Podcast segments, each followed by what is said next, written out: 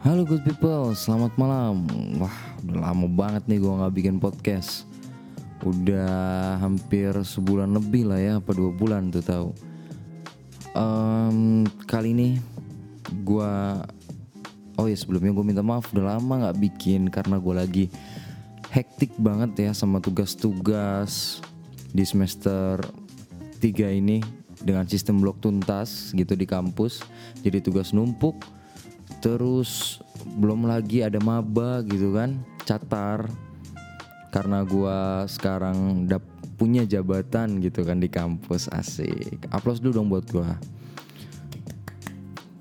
Jadi gua ya kayak pengurus BEM gitulah ya. Pengurus senat taruna namanya. Bidang humas gitu. Dan gue lagi hektik banget ya sebenarnya untuk ngurusin maba-maba ini atau catar gitu kan kalau bahasa tarunanya istilahnya. Sekarang gue mau bahas nih, catar tuh apa sih? Bukan banyak tuh ya, mungkin lolo pada yang bingung. Ada yang nulis di bionya, misalkan ya, catar Akmil 2020 ah, atau ah, catar ini 2019. Ah, kenapa ada orang-orang yang nulis kayak gitu gitu loh catar. Mungkin penasaran catar tuh apa sih? Sebenarnya gini catar itu adalah maba. Kalau di universitas catar calon taruna maba mahasiswa baru. Ya sebenarnya sama aja sih. Intinya ya belum resmi lah gitu kan jadi mahasiswa di situ gitu belum resmi jadi taruna di situ. Cuma mungkin bedanya pendidikan dasarnya kali ya pendidikan awalnya. Mungkin kalau maba kan gue pernah juga ya jadi maba. Maba tuh hmm, ada apa sih ospek gitulah ya ada osjurnya juga kan untuk misalkan ada ospek universitas oh ada ospek fakultas jurusan gitu kan biasanya. Nah itu biasanya berbulan-bulan kan. Kami juga sama catar itu ada pendidikan dasarnya pendidikan awal yang difungsikan untuk pembentukan fisik dan mental yang baik dan juga berbulan-bulan. Tapi mungkin bedanya seperti ini. Kalau di eh, maba memang berbulan-bulan, misalkan ya sama-sama tiga bulan sama catar. Tapi kalau di universitas maba itu kan nggak 24 jam gitu. Paling ospeknya ya jam segini sampai jam segini besok lagi terus tugas-tugasnya. Tapi kalau catar kan enggak kan hidupnya di asrama ya mereka 24 jam. Jadi kalau mereka tiga bulan pendidikan awal ya bener-bener tiga bulan gitu. Nggak ada libur sabtu minggu nggak ada.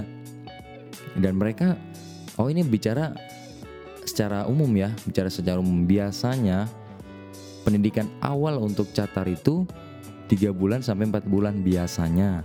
Dan itu nggak bisa megang HP nggak bisa ketemu orang tua. Jangan kan itu keluar gerbang kampus aja nggak bisa gitu.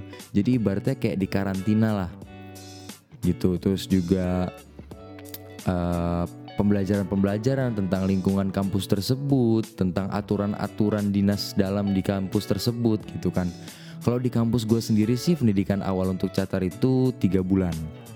Jadi nanti eh, setelah resmi masuk gitu kan catar Melakukan pendidikan awal tiga bulan. Habis itu ada pelantikan. Tujuan dari pelantikan itu yaitu dilantik menjadi seorang taruna, taruna tingkat satu atau taruna remaja. Itu kalau di kampus gue kayak gitu.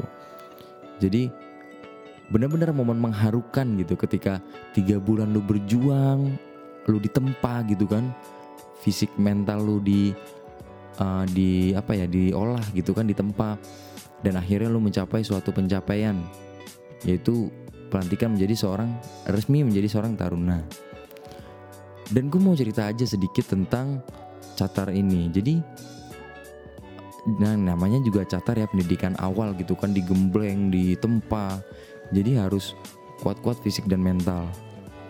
Ya apa ya? Perlu juga sih untuk ya kan namanya taruna ya masa kelemar-kelemar gitu kan. Terus pokoknya momen mengharukan itu oh jangan mau mengharukan dulu. Pokoknya benar-benar harus kayak apa ya? Ya kuat-kuat lah. Ya bagi catar yang udah masuk saya gue yakin pasti kuat lah. Kan sebelum itu ada tes fisiknya juga yang di, yang disangka uh, mantap untuk masuk gitu kan. Lolos tes fisik ya pasti kuat lah gitu kan. Momen mengharukan saat menjadi catar yaitu jika teringat orang tua. Itu sangat sedih. Ya lo bayangin aja tiga bulan gitu kan. Oke okay lah misalkan ah gue anak kos eh, enam bulan gak ketemu orang tua biasa aja. Beda bray.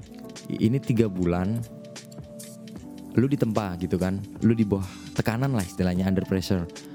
Lu nggak megang HP makan lu di uh, apa namanya makan lu tuh rame-rame gitu kan. Diatur lah istilahnya. Kehidupan lu diatur. Lu nggak bisa ngubungin orang tua lu gitu kan. Itu gimana ya? Ya pasti beda lah rasanya. Tiga bulan gitu kan. Nggak nggak komunikasi sama siapa-siapa gitu. Yang jauh ya.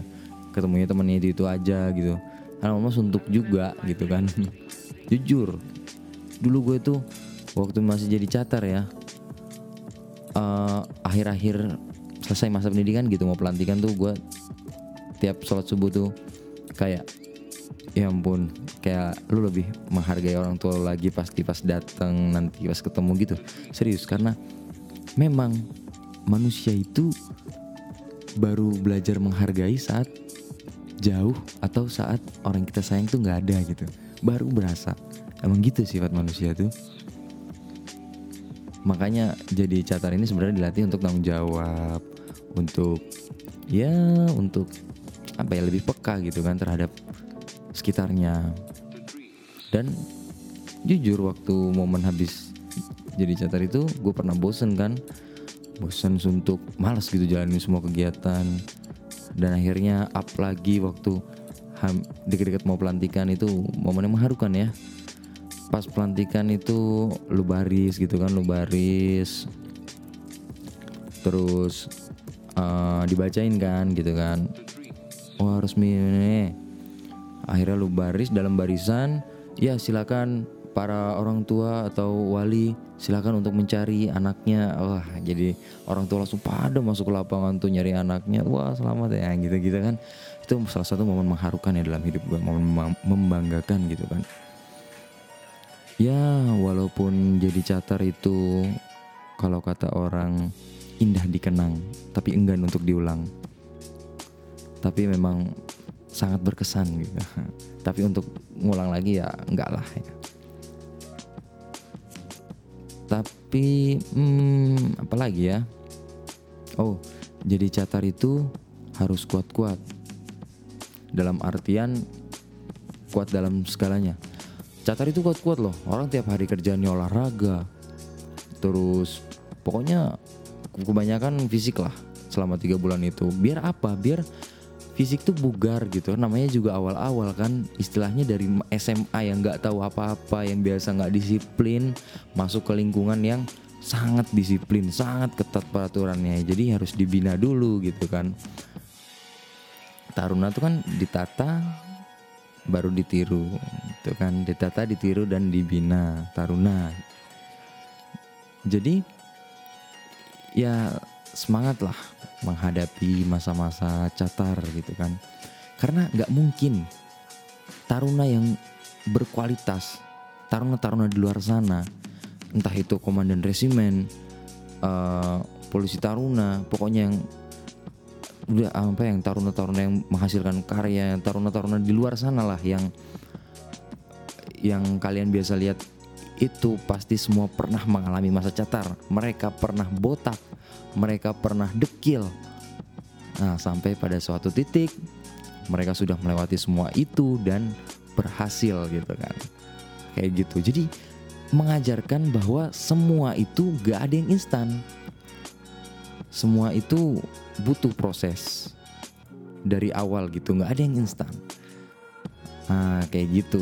Jadi hmm, mungkin segini dulu ya pembahasan gue tentang catar nanti kalau ada yang mau ditanyakan silahkan tanya boleh lewat IG ataupun lewat Twitter boleh request tentang apa tentang kehidupan taruna request aja karena gue di sini sebagai uh, penghubung gitu. Kalau ada yang salah-salah kaprah silahkan request.